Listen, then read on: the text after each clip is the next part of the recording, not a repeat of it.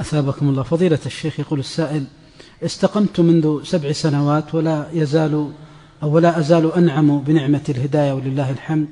كيف أحافظ على هذه النعمة في هذا الزمن المليء بالفتن؟ أثابكم الله. نسأل الله بعزته وجلاله وعظمته وكمال أن يثبتنا على الحق حتى نلقاه وهو راض عنا.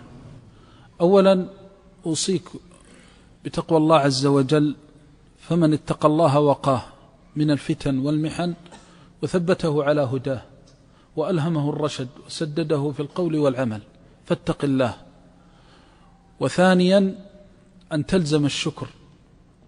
فما من عبد أنعم الله عليه بنعمة فقام بحقها بالشكر إلا تأذن الله له بالمزيد. وهذا وعد من الله والله لا يخلف الميعاد.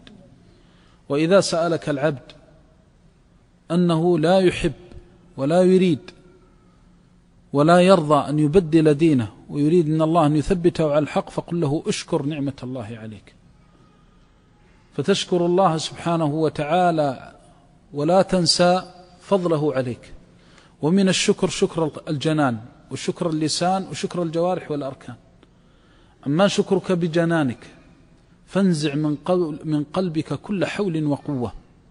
وانزع من قلبك كل فضل إلا حول الله وقوته وفضل الله وحده لا شريك له. لا تقل إنك مستقيم لأنك من بيئة مستقيمة. ولا تقل والله إني على خير لأن والدي فعل وفعل وتنسى فضل الله عليك. بل تبرأ إلى الله من الحول والقوة. إلا من حول الله وقوته. وما بكم من نعمة فمن الله. أن تشكر الله بقلبك. ولذلك قال الله عن أوليائه لما رأوا نعيم الجنة وسرورها بلغنا الله وإياكم والدينا والمسلمين أجمعين وقالوا الحمد لله الذي هدانا لهذا وما كنا لنهتدي لولا أن هدانا الله. فليكن في قرار قلبك هذه العقيدة أنك لم تهتدي بذكائك ولا بخيريتك ولكن بفضل الله بل الله يمن عليكم أن هداكم للإسلام. فالله هو الذي يهدي ولا مهدي من هدى إلا من هداه الله. الأمر الثاني بقلبك بلسانك أن تلهج بالشكر. وهذا يستلزم منك كل نعمة في الدين تذكرها. من الناس من أعطاه الله الهداية فما قام إلا شكر الله ولا قعد إلا شكر الله ولا أصاب خيرا إلا ذكر الله حتى يبلغ الدرجات العلى في هدايته. من الناس من من يصلي الصلاة ولا ينسى شكرها حتى يرجع إلى بيته. ويقول من أنا حتى يخرجني الله في ظلمة الليل إلى في هذه الظلمة إلى بيت من بيوته؟ من أنا حتى يرزقني الله هذا الخشوع؟ فتأثرت بقراءة الإمام. من أنا حتى رزقني الله الصف الأول؟ من أنا حتى رزقني الله عز وجل الخضوع وحضور القلب للتلاوة والتسبيح والتحميد والذكر؟ هذه نعم. من ذكرها ذكره الله.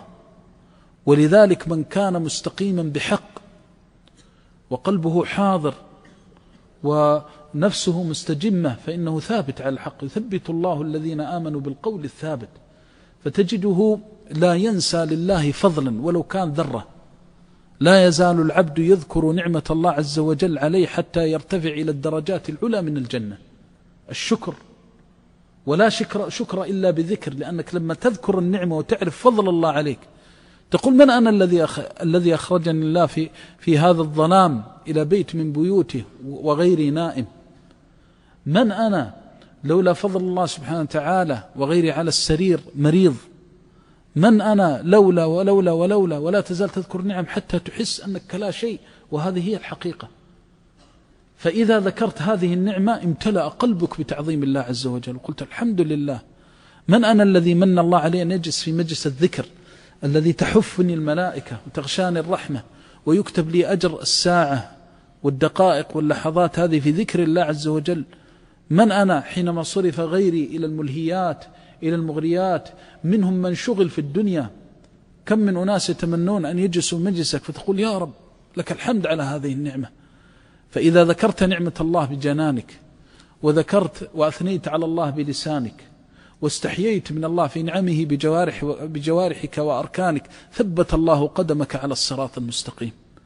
ثبتك الله على سبيل قويم. ثبتك الله على على صراط ينتهي بك إلى الجنة. لا يزال العبد بهذا الشعور حتى يفوز ويفلح وينجح.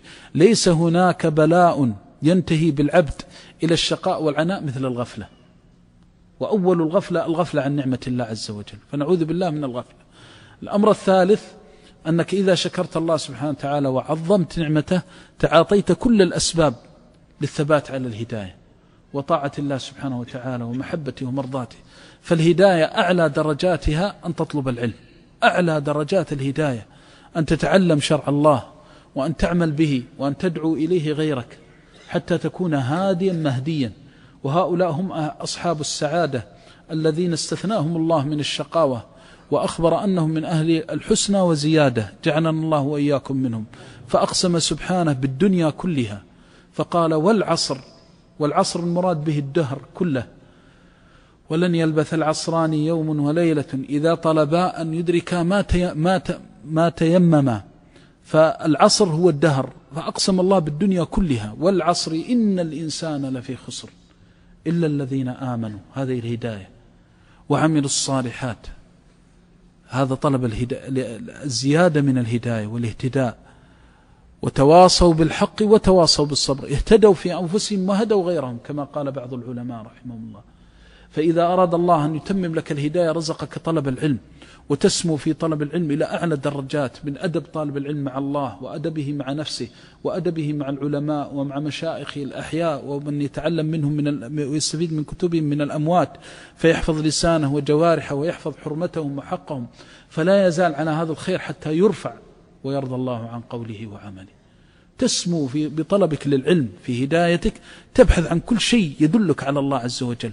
تريد كلمة تخشع قلبك تريد كلمة تدمع عينك من خشية الله عز وجل تريد كلمة تعلمك كيف تصلي كما كان النبي صلى الله عليه وسلم يصلي أو كيف تصوم كما كان النبي صلى الله عليه وسلم. تريد كل شيء يدلك على الله سبحانه وتعالى ويهديك في طاعتك واستقامتك. فإذا بلغت هذا المبلغ أنك تحب العلم وتنتفع العلم فإن الله يثبتك بهذا العلم على طاعة الله. لكن بشرط أن تخلص في هذا العلم لله عز وجل.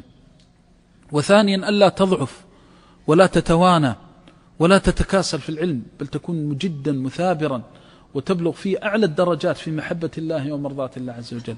وأن تحرص على العمل بهذا العلم وأن تلازم الخشية من الله سبحانه وتعالى والخوف من الله سبحانه وتعالى لأن أصل العلم هو خوف والخشية من الله سبحانه وتعالى.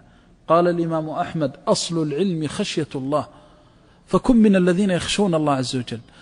أيضا من الأمور التي ينبغي عليك أن تتنبه عليها وهي كثيرة لكن نختم بها ولا نطيل أن الإنسان في هذا الزمان لا يبالي بالناس أقبلوا أم أدبروا. فإن الله سبحانه وتعالى إذا قذف في قلبك نور الحق فإنه يريد بك الخير. فافتح لكتاب الله وسنة النبي صلى الله عليه وسلم صدرك واعمل بذلك بجوارحك. وإياك ثم إياك والهلكة. الهلكة أن تنظر يمينك وشمالك. فتقول كيف أفعل؟ وهل أنا وحدي أفعل؟ والناس يفعلون والناس يتركون والناس يقولون لا يزال لك من الله معين وظهير. خاصة في زمان الفتن والمحن. ما استمسكت بحبل الله واعتصمت بدين الله. فإنك إن, ثبت إن ثبت نفسك ثبتك الله.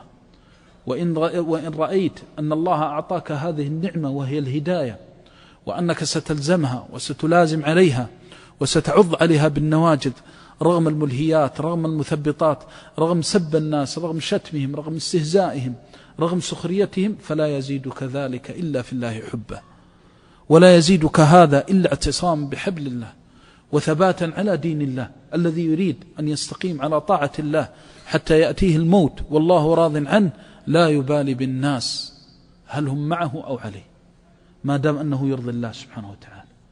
لا تفكر كما قال النبي صلى الله عليه وسلم لا يكن أحدكم إن معه. إن أحسن الناس أحسن وإن أساء وأساء. من هذا النوع من الناس الذي إذا رأى الناس استقام استقام. وإذا رأى الناس عوج والعياذ بالله عوج. ولكن وطنوا أنفسكم. يوطن العبد نفسه بكتاب الله وسنة النبي صلى الله عليه وسلم. السؤال ما الذي يأمرني الله به فأفعل؟ وما الذي ينهاني الله عنه فأنتهي؟ شاء الناس أم أبوا؟ رضوا أم سخطوا؟ واعلم والله أنه ما سخر منك أحد إلا رفع الله درجتك. وأنه ما استهزأ بك أحد إلا أعلى الله مقامك. وأنه ما انتقصك أحد إلا رفع الله بنقصته قدرك. لا تحسب أن التجارة مع الله خاسرة. ولا تظن أنك إذا, إذا قلت ما يرضي الله أو عملت بما يرضي الله أنك تشقى. طه ما أنزلنا عليك القرآن لتشقى. ما أنزل الله كتابه ولا سنة نبيه عليه الصلاة والسلام ولا جعل هذه السنن والآثار ليشقى أهلها أبدا. والله لتسعدن وليسعدن الله بك الأمة ما اعتصمت بحبل الله. تستمسك بهذا الدين ولو جاءتك الفتنة. أيضا هذا من الوصية. فابتليت بشهوة في سمعك في بصرك في فرجك فتب إلى الله واقهر عدو الله. ولو عاد مليون مرة تعود إلى ربك فلا تزال تفتح لك أبواب السماوات تائبا راغبا مستغفرا منيبا إلى ربك مسترحما فلا ترى من ربك إلا خيرا. إذا وثقت بالله واعتصمت بدين الله وقلت هذه الهداية إلى الموت وسأستقيم على دين الله ولو كان على رقبتي فإن الله يثبتك وقال الله إني معكم لئن أقمتم الصلاة فلئن أقمت دين الله وقلت والله لا أستقيمن على طاعة الله ولا أبالي أقبلت الدنيا أم أدبرت تاجر يخاف أنه إذا اهتدى تذهب تجارته ورجل له مكانة في المجتمع يخاف أنه إذا استقام أو التزم بطاعة الله أن الناس تحتقره هذا من الشيطان فإذا كنت وأنت تاجر وأنت بعيد عن الله عز وجل والله يعطيك النعمة فكيف إذا استقمت وإذا كنت تقول لك في معزة الآن وأنت بعيد عن الله فكيف إذا استقمت؟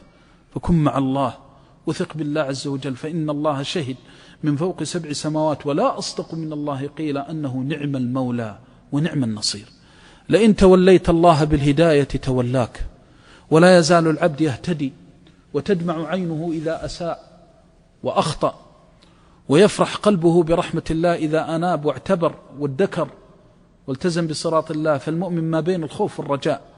تستقيم إلى الموت وتجعل الموت أمام عينيك وأن هذا الدين بحياتك وأنك لا تضحي بهذا الدين مهما كان. فإذا كنت على هذا واستقمت على هذا ثبتك الله.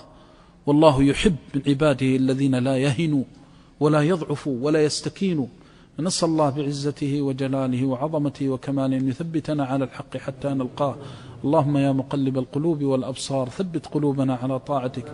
ربنا ظلمنا أنفسنا وإن لم تغفر لنا وترحمنا لنكونن من الخاسرين. اللهم اجعلنا من التوابين اللهم اجعلنا من المنيبين. اقبل توبتنا وامح حوبتنا واغفر زلتنا وارحمنا يا ربنا. اللهم إنا نشكو إليك غربتنا. اللهم ارحم ضعفنا في الغربة. اللهم ارفع ارحم ضعفنا في غربتنا اللهم قو ضعفنا واجبر كسرنا وسدد أقوالنا وأعمالنا بما يرضيك عنا. نعوذ بالله وبعظمة الله وبجلال الله وبأسماء الله الحسنى وصفاته العلى من زيغ القلوب. ومن رانها ربنا لا تزغ قلوبنا بعد إذ هديتنا. وهب لنا من لدنك رحمة. إنك أنت الوهاب. اللهم إنا نعوذ بك من الحور بعد الكور ومن النقص بعد الزيادة. ومن الضلال بعد الهدى ومن العمى بعد البصيرة. اللهم إنا نعوذ بك من الردى والهوى وأهل الردى والهوى. ثبت قلوبنا وسدد ألسنتنا واغفر ذنوبنا واستر عيوبنا وأمن روعاتنا. وأجرنا من خزي الدنيا وعذاب الآخرة. واغفر اللهم لنا ولآبائنا وأمهاتنا ومشائخنا ومحبينا ومن أوصانا واستوصانا. وحضر مجلسنا وغاب عنا وأحبنا فيك. اللهم فرج عن إخواننا في المستضعفين في كل مكان. اللهم اجعل لهم من كل هم فرجا من كل ضيق مخرجا ومن كل بلاء عافية. اللهم يا مغيث أغثنا وأغثهم اللهم أغثنا وأغثهم اللهم فرج عنا وعنهم. اللهم فرج عنا وعنهم. اللهم إن بالإسلام وأهله من الضيق والبلاء ما لا يشتكى إلا إليك. ولا يعول في كشفه إلا عليك. سبحانك جبار السماوات والأرض. نسألك أن تنصر دينك وكتابك وسنة نبيك وعبادك الصالحين وأن تجعلنا منهم. اللهم أبرم لهذه الأمة أمر رشد يعز فيه أهل طاعتك ويذل فيه أهل معصيتك ويؤمر فيه بالمعروف وينهى فيه عن المنكر. يا سميع الدعاء. سبحان ربك رب العزة عما يصفون. سلام على المرسلين والحمد لله